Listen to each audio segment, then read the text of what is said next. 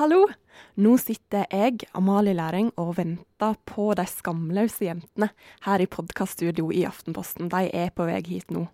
Men før vi går i gang, så vil jeg fortelle noe til dere som er trufaste lyttere til Aftenpodden side, som det tidligere heter. Nå skal vi bytte navn til Ungdomspodden, og vi skal komme i gang med et nytt, nytt opplegg. Så det er derfor vi har hatt en liten pause nå på et par måneder.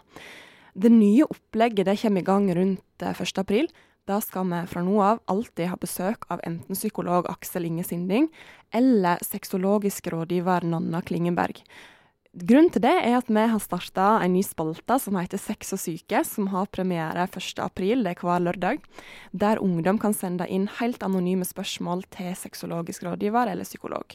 Og Det kan du gjøre på side.no, altså sid.no. Der fyller du helt enkelt ut et skjema, og så får du svar kanskje, på dine spørsmål. Det gleder jeg meg veldig til å komme i gang med. Men aller først så skal vi få besøk av Amina Bile, Nancy Hertz og Sofia Sror. Og for de som ikke kjenner til disse jentene, så er de en trio som har blitt slags frontfigurer for en kamp mot sosial kontroll.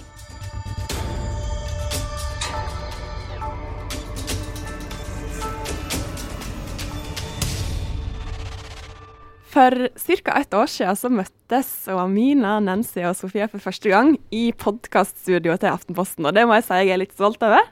Da var Amina med på Skype, Nancy var med på Skype, og Sofia hun satt her. Og nå har det gått nesten et år, og på det året så har det skjedd helt utrolig masse. Senest i går så vant de såkalte Skamløse jentene fritt, eller vant, mottok Fritt Ords honnørpris. Gratulerer, alle tre. Tusen takk. Tusen takk. Kan ikke jeg begynne, Nancy, du kan starte som oppsummerer det året som har gått? Oi, det har vært et veldig interessant og lærerikt år. Vi har uh, hatt muligheten til å møte veldig mange inspirerende mennesker.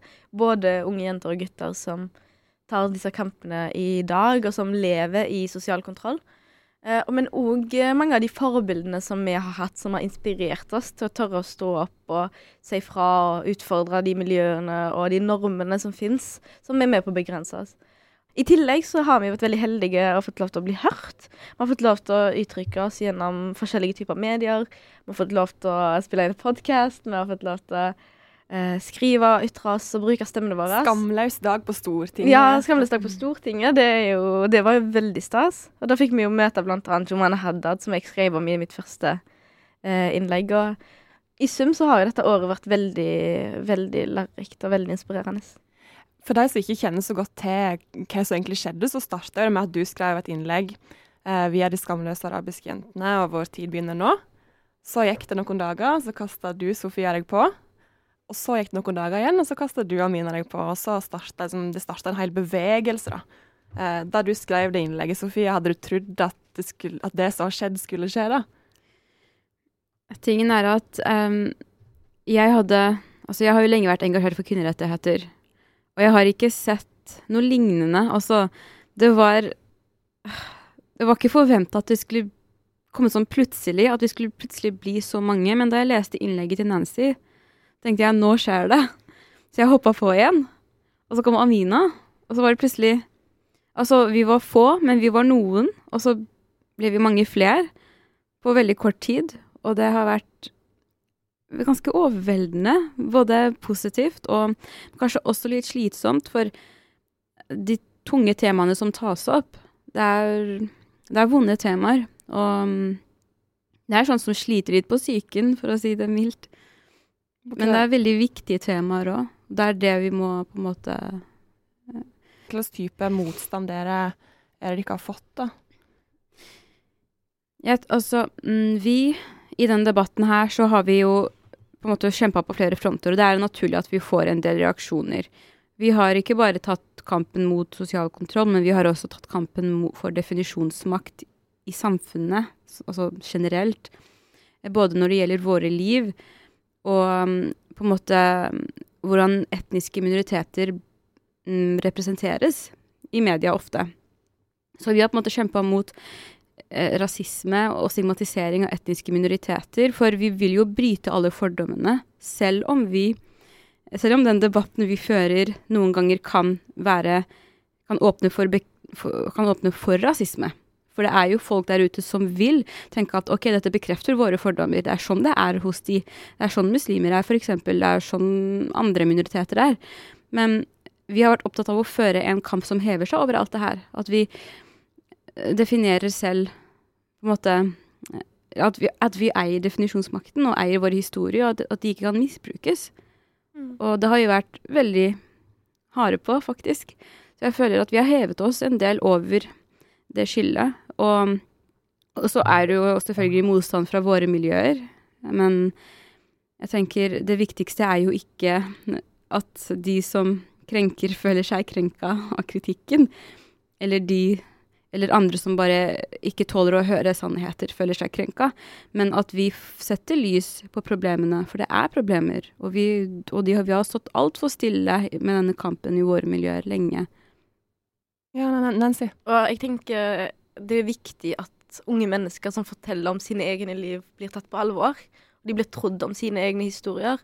Og jeg tror at ved å kjempe på alle disse frontene, og ved å si at vi ikke vil bli brukt til å utfylle noen sin agenda, så er vi med på å fremheve det og vise at vi vil ikke la oss bli utnytta. Vår historie er ikke til for at noen skal bruke de mot oss eller mot våre miljøer. Vi sier ikke dette fordi vi hater noen, eller fordi vi vil oppfordre til diskriminering, eller fordi vi vil at uh, f.eks. Facebook-Høyre skal bruke våre stemmer uh, til å bekrefte sine fordommer. Men vi sier jo det fordi vi bryr oss. Vi sier det fordi vi unner folk som vokser opp i ulike miljøer, som har en minoritetsbakgrunn, som kanskje opplever denne sosiale kontrollen. For det gjelder ikke alle, men vi unner de som gjør det, mye bedre. Mm. Det er jo digg for de som har det bra, liksom. Men det er ikke alle som har det bra. Og på samme måte som det at ikke alle har det bra, ikke er representativt for miljøene våre, så er det heller ikke eh, på en måte det Så er det ikke heller representativt at alle har det bra. Så det er liksom Hvor er de nyansene folk ellers er så utrolig opptatt av? Og det er en nyanse i seg selv å ta opp disse utfordringene. Absolutt. Og i går så satt, var jeg blant annet blant de som satt i publikum og så på da dere mottok Fritt Ords honnørpris, og det er jo en veldig stor ære. Og det er jo ikke så lenge siden dere fikk vite at dere skulle få den prisen. og Hvordan reagerte du da, Amina? Um, jeg fikk en telefonsamtale fra Nancy hvor hun sa vi vant Fritt Ord, og jeg visste egentlig ikke hva det var før jeg googla det. og det var sånn, Jeg trodde det var fra Friord eller Friord, som var sånn diskriminerende organisasjon, så jeg var skikkelig irritert over hva faen.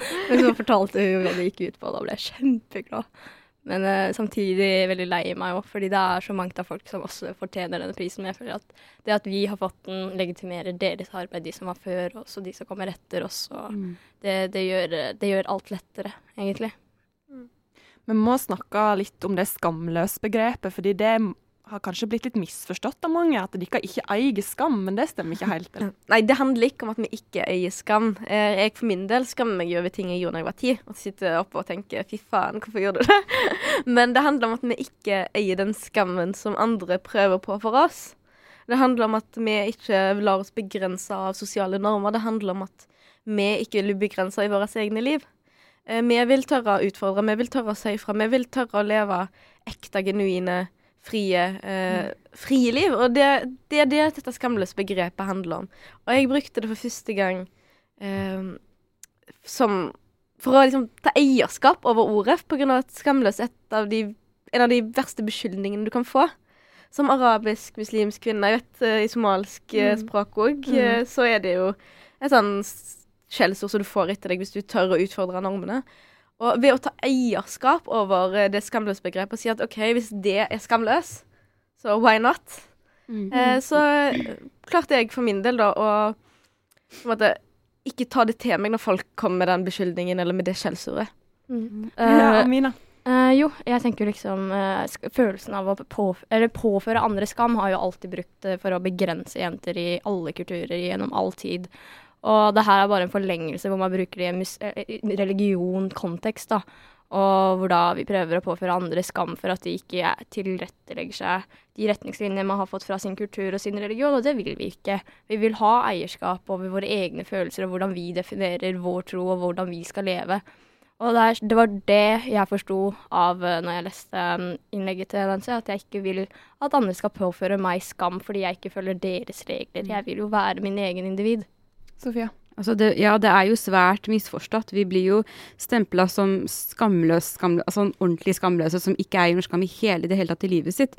Men tingen er at uh, vi eier skam, men akkurat som Nancy sa, ikke når andre Altså, vi eier ikke skam når andre gjør oss så vondt.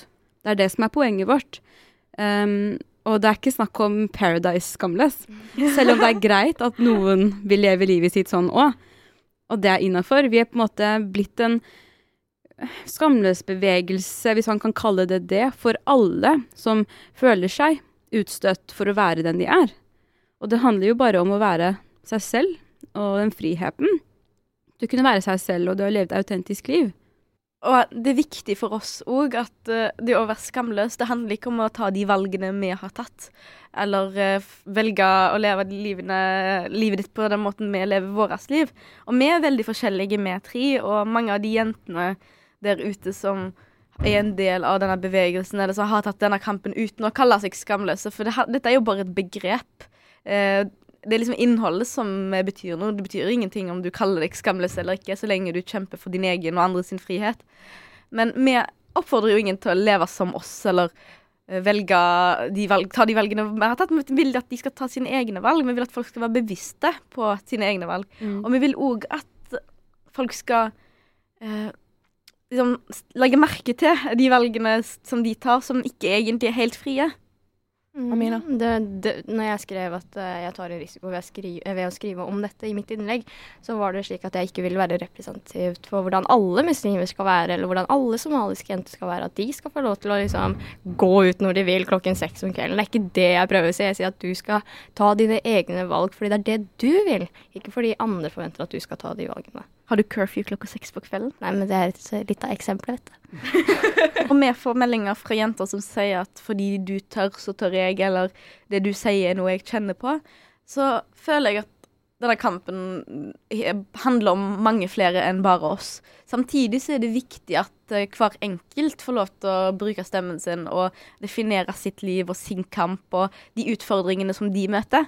For de utfordringene er ikke nødvendigvis det samme. Mm. Og en, en, ting som har vært viktig for oss òg, det, det, er å sette lys på at eh, sosial kontroll det er ikke bare de store tingene. Med, det er viktig å snakke om eh, tvangsekteskap og kjønnslemlestelse og eh, reoppdragelse, og at folk som blir sendt til hjemlandet sitt uh, uten å vite når de kommer tilbake. Det er viktig, det er kjempeviktig. Men sosial kontroll er òg summen av de bitte små tingene som gjør at du i realiteten lever ufritt. Ja, tingen er jo at det er jo mange som kan relatere til mye av det vi snakker om, og mye av det andre jenter har snakket om. Men det er viktig, som Nancy sier, å få frem de små tingene også. Det er jo små elementer i hverdagen som ikke alle legger merke til, som faktisk er eh, press eller tvang på en eller annen måte. Og press er jo indirekte tvang. Så når jenter f.eks. lærer seg fra de er små barn til å bruke hijab fordi det er eh, beskyttende, så er jo det det er sosial, sosial kontroll. Barnehijab er jo ikke akkurat um, for meg noe islamsk. Og, og, det handler jo ikke altså, Så handler det ikke om religion. og jeg har jo ikke nevnt islam i den debatten i det hele tatt, faktisk. Men det er sånne de små tingene i hverdagen. Eller det at jenter f.eks. Når, de når de har gym på barneskolen, blir fortalt at de må gå med større klær fordi de vokser. og det, Da begynner på en måte formene å komme frem. Eller at du må gå med badeshorts, stor badeshorts over badedrakta. Mm. Og det er sånne småting som er veldig seksualiserende på småbarn. Ja, altså, det bare Sosial kontroll også kan være det at eh, du, du, som jente sitter i en klasserom med mange gutter, og de tar til ordet, og du ikke gjør det fordi du er redd. Det er også en type sosial kontroll som hender i hverdagen. Eller at du ikke skal le høyt i offentligheten, eller at jenter mm. skal spise ordentlig. Det er sosial kontroll i den mest subtile formen, og så er det de store konsekvensene som Nancy nevnte med kjønnslemmelse og tvangsekteskap. Så det viktigste er jo å drive forebyggende arbeid. Da må man snakke om disse småtingene òg i hverdagen. Og de småtingene kan jo ha store konsekvenser for enkeltmennesket òg. Eh, for det legger jo føringer for uh, hvordan man tar egne valg i fremtiden. Det legger føringer for hvordan man velger å leve livet sitt. Det legger føringer for hvilke valg man tror er reelle valg, og hvilke valg man tror at ikke er det. Og det er jo en begrensning som dekker langt utover hvordan man skal spise, eller hvordan man skal sitte. Mm, og så er det den dårlige samvittigheten man får når man føler man har handla i strid med noe man lærte som barn at man ikke skal gjøre. Mm. Um, jeg husker det at Jeg hadde jo tanter som mente at det ikke var greit å sykle som jente. Fordi Altså Fordi de kunne skade deg nedentil. At du mister jomfruhinna, eller hva det skulle være. Men, det, men det, var ikke det de sa. De sa bare at når du sykler, så må du, hvis det kommer en hump, så må du reise deg opp så du ikke får vondt. Og jeg har skjønt i ettertid at det handla om jomfruene, liksom. Um, heldigvis så er jo de tantene kommet mye lenger enn nå, det er jo lenge siden. Men det er ganske sånne Altså, det er litt sånn syke greier, egentlig. Og, og den derre For å nevne også, ikke spise iskrem i offentligheten. Eller når du spiser iskrem, skal du ikke slikke. Mm. Ja, ikke sant? For det er Eller banan. seksualiserende. For det er seksualiserende, eller det er liksom noe seksu... Det, ja, altså det er perverst, på en måte. Um, og Ja, for det kan på en måte indikere ting. Mm. og ja, eller spise kjærlighet i offentligheten og sånn. Altså, sånne småting som man ikke tenker over som barn. Mm. Eller at du som jente ikke må sitte på en bestemt måte. Altså du må sitte med beina Og det er sånn som jeg tror ikke bare vi har opplevd, men jenter generelt blir jo, fra de er små Flere jenter har blitt fortalt at de må være litt mer sånn eh, pike, altså pikete. Sånn, altså den egenskapen um, om å være på en måte lydig. Og så liten og sjenert, og veldig sånn Ta liten plass. Mm. Og jeg jo har jo sånn, etter vi begynte å jobbe med det her, så har jeg jo snakka med ganske mange jenter. og Det er jo ganske ekstreme ting de forteller. De får ikke velge kjæreste sjøl. Eh, de må skjule, skjule hvem de er kjæreste med for familien sin. Og de må være hjemme klokka seks selv om, selv om de er 20 år Mm. Ja, og, her kom, og her kommer jo det, disse tingene inn igjen. Fordi når du blir eldre og ikke har lært å ta dine egne valg, så kommer du til å og ikke har lært å sette dine egne grenser, så kommer du til å ta feil valg. Mm. Og, du kommer, og det kommer til å gå utover livet ditt. Og, og som, ja, altså som barn så må du lære å reflektere. Ikke bli fortalt hva du skal gjøre hele tiden, og, og, liksom bli gitt totalforbud. Det er ikke rom for noe annet. Og jeg vil bare legge til noe til det Sofia eh, allerede har sagt. det at Sofia nevner at eh, noen av disse tingene er jo noe alle jenter opplever, men i noen kulturer, og særlig de kulturene som vi kjenner det, så er det forbundet med en æreskodeks og en skam, eh, et veldig sterkt og sentralt skambegrep. Og det blir jo brukt nesten som en hersketeknikk ikke sant, mot de jentene som opplever det, og mot oss sjøl. Jeg har jo opplevd mange av disse tingene, de er forbundet med en æreskodeks, og det er den æreskodeksen som er ødeleggende. Det er hele æresbegrepet som gjør at dette kjennes veldig hardt. Det er en fin linje mellom det som er vanlig oppdragelse ofte, og det som er sosial kontroll. Men jeg tror man etter hvert som man vokser opp, begynner å kjenne på de skillene, og som Sofia nevnte, eller nei, som du Amalie nevnte, i, i noen noen hjem så blir ikke jenter myndige noensinne. Det er ikke en reell myndighetsalder. Du kan være 20 og likevel liksom bli passet på som om du er et lite barn. Sofia? Ja, for, altså, for, det, for det er jo likheter mellom skam i, vår, i våre miljøer og skam generelt. Men eh, når folk f.eks. sammenligner sosial kontroll i våre miljøer med sosial kontroll i Norge for lenge siden, f.eks. Ibsen og Dukkehjem, eh, det at Nora ikke får være sitt eget individ, det er jo klart det er likheter der. Men som Nancy sa, det, sp det æresbegrepet spiller jo inn i noen av våre miljøer. Og ofte er det begrunna i religion, uten at det nødvendigvis har noe med religion å gjøre. Men når ære kommer inn, og æresrelatert vold, psykisk vold og til og med fysisk, så altså Så er det noe mye større og noe mye mer komplisert. Og vi må huske at dukkehjem var for 200 år siden. Nå snakker vi om ting som skjer i 2017. 150. Ja, 150. Sammenligne hele tiden med at 'å, men det var jo sånn'. Ja, men det skal ikke være sånn nå. Mm. Selv om det var sånn før. Men når- de er barn, de skjønner jo ikke alt, den- all denne konteksten og nyansene. De skjønner bare at det er fordi de er jenter.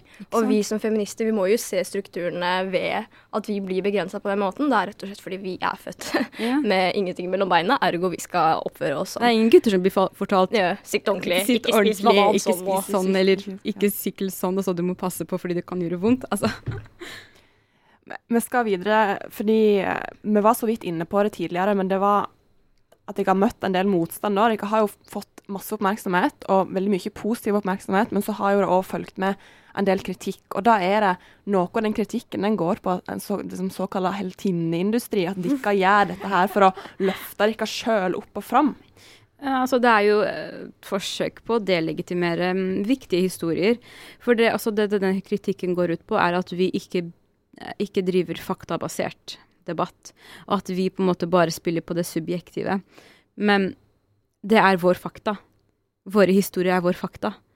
Og det å prøve å delegitimere det, og på en måte bare Det er utrolig urettferdig, for det her er mennesker som har opplevd ting i livet, som faktisk tør å snakke ut om disse tingene for, for noe bedre, for å på en måte bidra i debatten og bidra til videre endring. Så kommer det noen kommer, ah, dette er bare en helt himmelindustri og personer med eksponeringsbehov. Det er veldig hemmende for en ellers utrolig viktig debatt.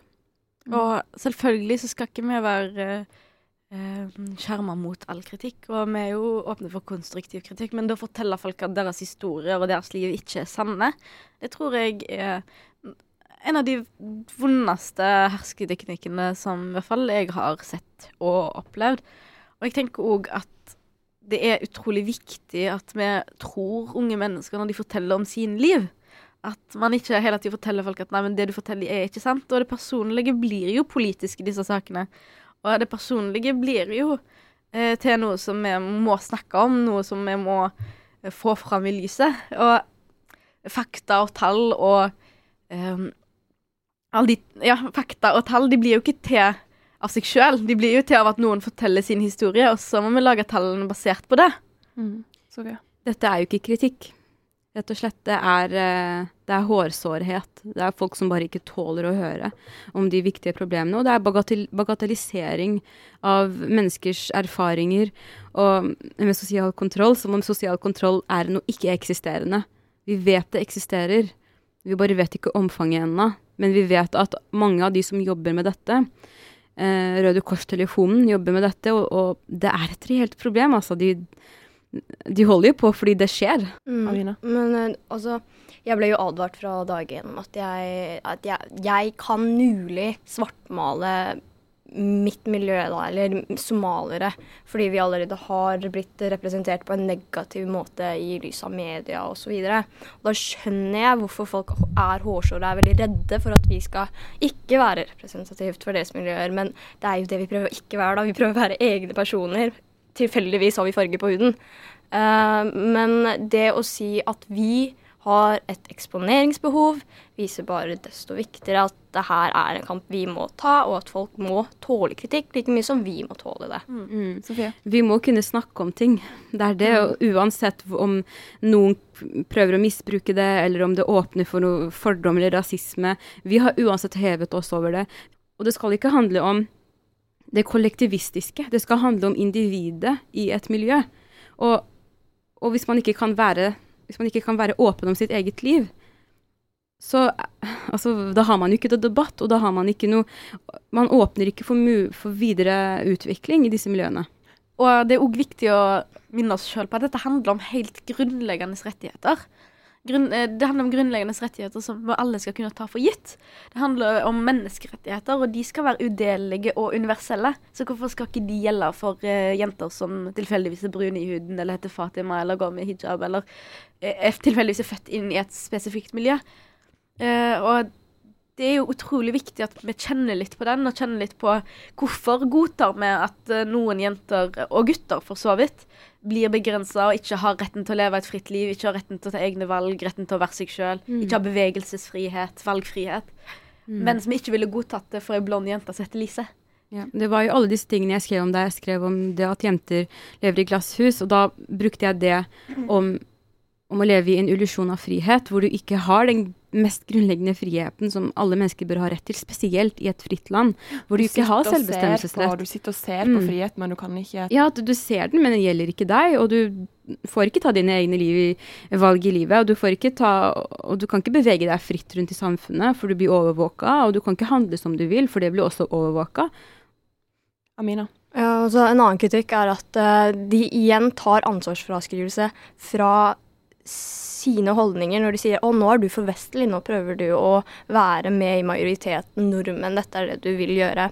Men det som er veldig vanskelig for dem, da, er når vi sier vi er eh, muslimer, eller når vi er somalisk og jeg er somalisk muslim og har på hijab, da er det veldig vanskelig å ta ansvarsfraskrivelse. Og da prøver de med sånne kritikk som eksponeringsbehovet hele tiden i industri. Derfor er noe av det viktigste som har vært for meg, å ikke gå inn på disse her uh, skillene. Altså, ikke nevne, altså, jeg er muslim, men det er ikke derfor jeg gjør det her. Reli Islam er min religion, men det er ikke derfor jeg gjør det her. Du gjør det Nancy fordi- er jo eksmuslim, og Amina, du er jo også muslim, men vi gjør jo det her for en felles sak. Altså for fellesskapet. Det er ikke fordi Ja, altså fordi vi tilhører noen tro, eller whatever, og på grunn av bakgrunn også. Vi har jo forskjellige bakgrunner. Mm. Og det er jo ikke tvil om at religion blir brukt i mange tilfeller, som er nevnt tidligere. Men vår kamp er ikke et angrep mot eh, noen religiøse, snarere tvert imot. Vi har f.eks. vært veldig tydelige på at Eller i hvert fall for min del har jeg vært veldig tydelig på at jeg vil f.eks. ikke ha støtte som går på bekostning av f.eks. jenter som går med hijab, som ser akkurat det samme som meg, som får kritikk pga. at de går med et hodeplagg. Ikke pga. det de sier, ikke pga. det de gjør, men pga. hvordan de ser ut og hvordan de kler seg. Og vi har vært veldig tydelige på det. Og så har jeg også vært veldig tydelig på at dette her er ikke en minoritetskamp, det er en eh, samfunnskamp.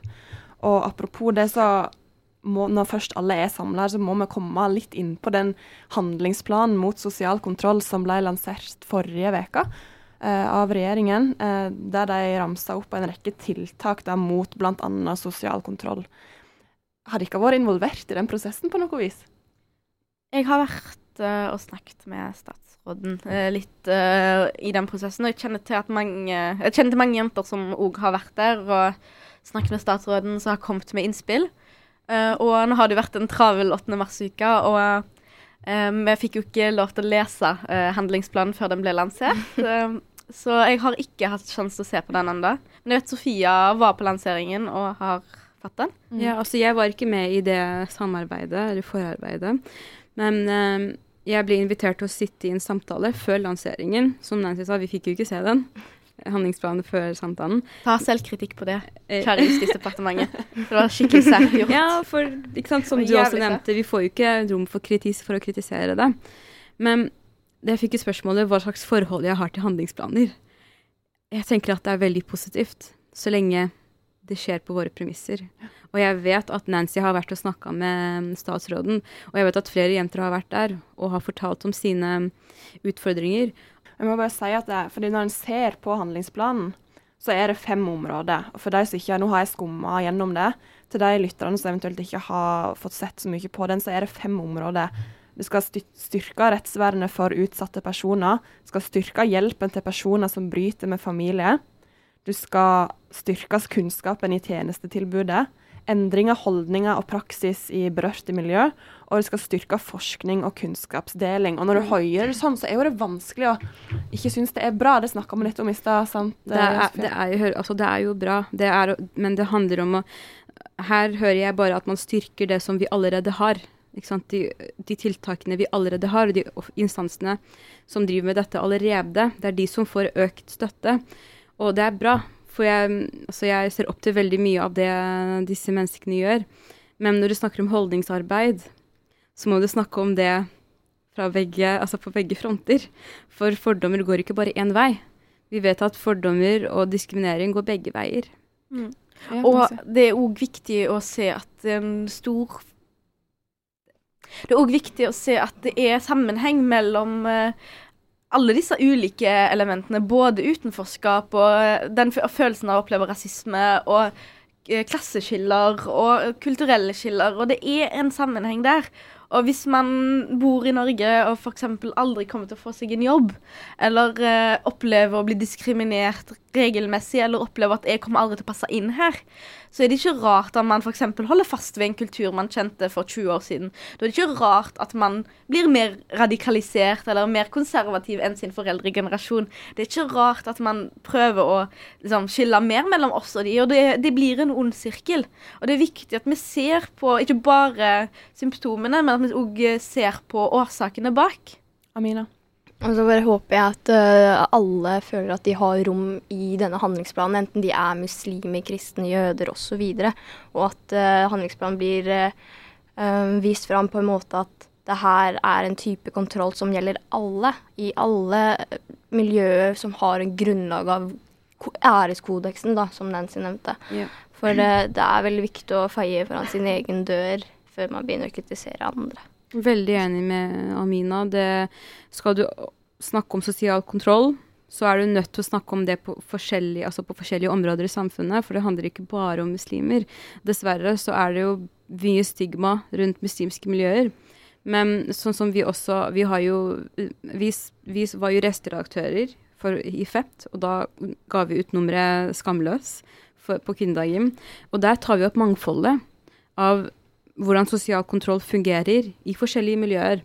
Og Der skriver bl.a. En, eh, en gutt med kristen bakgrunn, og altså forteller om ganske, ganske vond sosial kontroll fra et veldig ekstremt eh, miljø. Og det er jo ikke representativt for alle kristne, selvfølgelig, men det er viktig å se de nyansene.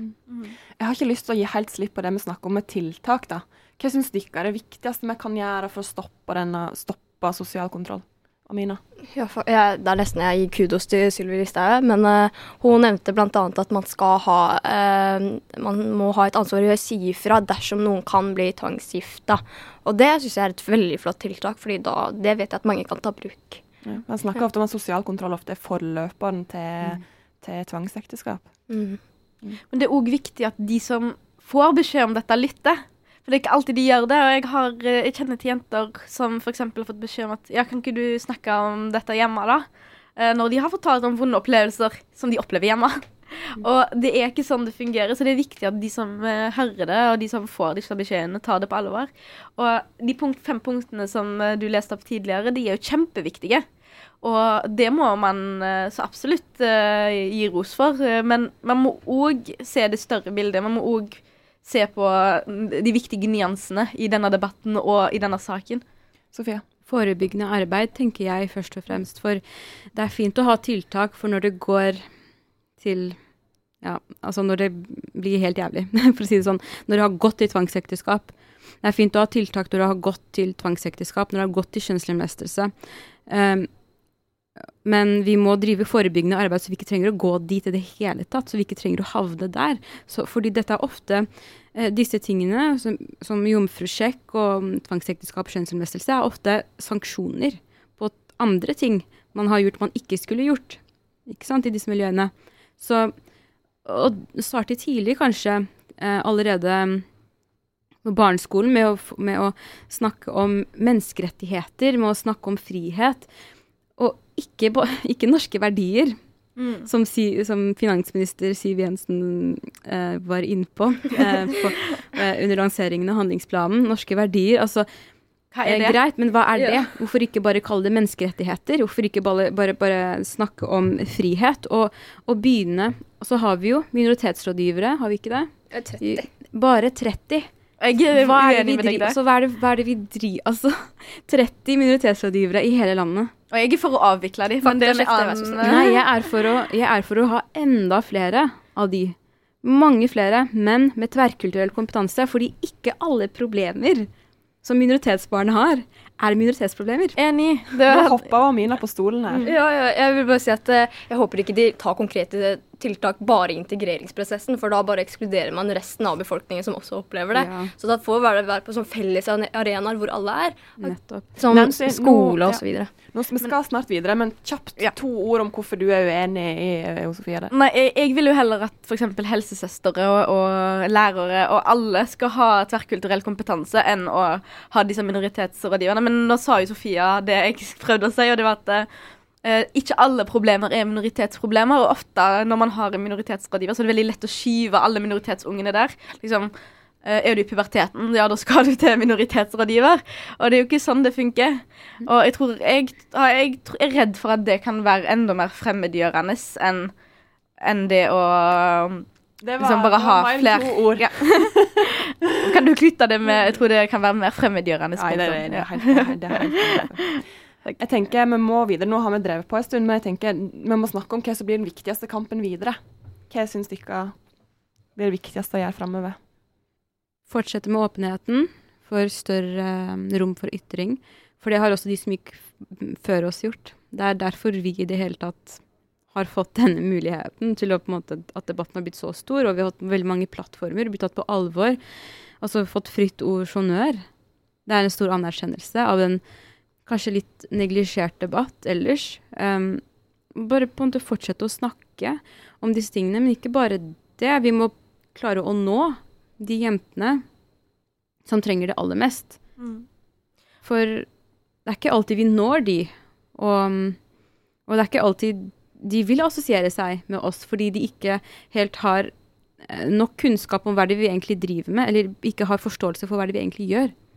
Det er òg viktig at vi møter unge mennesker på idrettsklubben, på skolen, i helsevesenet, med en flerkulturell forståelse, og forstår de utfordringene som de møter. Enten disse utfordringene er av at de har en annen bakgrunn eller ikke. Og så tror jeg òg at det er viktig at eh, unge mennesker føler at de blir forstått, at de blir hørt. Og den beste løsningen er jo ikke å bryte med familien og liksom bare ta a clean break der. Det er jo ikke det som er den beste første løsningen. Jeg håper at vi klarer å inngå mer dialog, at vi kan få med eh, religiøse ledere som f.eks. er forbilder for mange av disse foreldrene, at vi kan skape holdningsarbeid i miljøene. Og selv om vi kanskje oppfattes som et angrep mot de som krenker, og vil bli krenka, så håper jeg at vi klarer å inspirere eh, de aller fleste da, til å på en måte se seg sjøl litt utenfra og tenke på hva gjør jeg med mine barn, og hva er det jeg unner mine barn, f.eks. For, eksempel. for det er jo ofte hjemmefra at den sosiale kontrollen begynner. Og ofte så er jo foreldrene prega av miljøet rundt seg. De vil jo ikke barna sine noe vondt. Jeg tenker at eh, det viktigste for meg blir at eh, det ikke lenger forblir et problem bare for minoriteter, eller at kvinneproblemet angår bare kvinner. At det blir mer et vi enn et å, ja, hun har på seg hijab, har et problem, må være muslimsk problem. Eh, Det må, det må ikke være sånn. men Dette, ok, dette er et problem. Greit, hva skal vi gjøre sammen? I fellesskap, tenker jeg da. At det- den ekskluderingen blir eh, opphørt, da. Og det er jo et samfunnsproblem i veldig stor grad, og det går utover oss alle når vi mister så mange ressurser og så mange stemmer og så mange mennesker. Nei, og i går, Sofia, når du holdt tale, så sa du at noe jeg ikke hadde tenkt så mye på, men du snakker om hvor lenge dette skamløs-begrepet og hvor lenge bevegelsen skal bestå som nettopp de skamløse jentene. Det må du fortelle litt mer om. Nei, altså det handler jo om at vi rett og slett bare vet ikke hvor lenge vi kommer til å holde på som skamløse jenter. Men det vi vet, er at vi kommer jo til å fortsette samarbeidet for, for de mest grunnleggende rettighetene, og det er jo det vi har holdt på. Det handler jo først og fremst om at skamløs, som jeg nevnte tidligere, det er jo bare et begrep. og Nå har vi jo fått lov til å bruke dette begrepet til å fremme en veldig viktig sak. Eh, men i framtida så ser jeg for meg at vi kommer til å liksom engasjere oss for de sakene som vi sjøl engasjerer oss for. Og vi har vært veldig opptatt av at vi er jo ikke en organisasjon, vi er tre enkeltmennesker, og mange enkeltmennesker som er med i bevegelsen. Eh, og det, jeg tror kanskje òg at det å kalle oss for skamløse jenter og begrense vårt engasjement til bare det, ikke nødvendigvis er det som gjør at vi kan gjøre størst forskjell, da.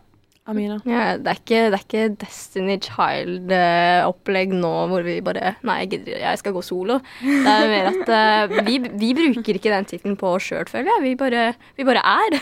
Og det må vi få lov til å være i alle våre måter. Vi bor ikke sammen, liksom, og skal leve livet ut med dette konseptet. Det er- Vi er egne individer. Vi har jobber, vi har skoler, og vi kommer fortsette med dette. Ja, det er det, for, det er det for skamløs-begrepet blir liksom brukt om oss. Det er ikke det at vi går rundt og bare Ja, vi er de skamløse jentene. Men Arabiske. som, som, vi er de skamløse arabiske jentene, Amina. Jeg er ikke det. Ja, Ja, altså det, vi er jo, som du sa, Amina, vi er jo våre Vi har jo våre egne liv, og vi bor forskjellige steder i, i landet, og vi er veldig mange, og uh, det blir liksom litt for begrensende å kalle oss de skamløse jentene. Um, føler også at vi må liksom gå ut og forsvare det hele tiden i tillegg, og det er litt slitsomt. Nancy. Men boka kommer jo nå i høst, og den har jo arbeidstittel 'Skamløs'. Eh, er altså, Dere har fått muligheten til å skrive bok om nettopp dette her, arbeidstittel Så- 'Skamløs', der dere har snakka med eh, unge jenter, først og fremst, som har opplevd dette. Ja, blant annet. Så det kommer til å være en Eller, sterk Vi kan det kan, Vi kan jo si at det kommer til å være en sterke bok og sterke Mm. historier. Og jeg tenker at uh, du må ikke bli altfor lei deg, Amalie, for vi kommer til å være uh, den trioen i hvert fall til da? Ja, herregud. Ja, men da, da kan vi kanskje endre det der på en happy note, da, med litt sånn uh, latter og optimisme. Og så takk til alle som har lytta, og til alle dere tre, lykke til videre med Holde kontakten. Side sine spalter er alltid åpne for skamløse og vanlige jenter. og så ha det bra. Ha det.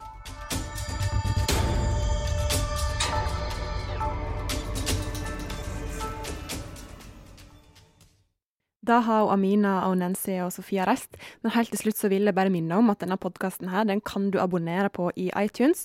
Der søker du på Ungdomspodden, ikke på Aftenpoddens side, men Ungdomspodden, og så trykker du abonner, og så fra ca. 1. eh, 1. april så vil du få en fersk podkast rett inn på telefonen din en gang i måneden.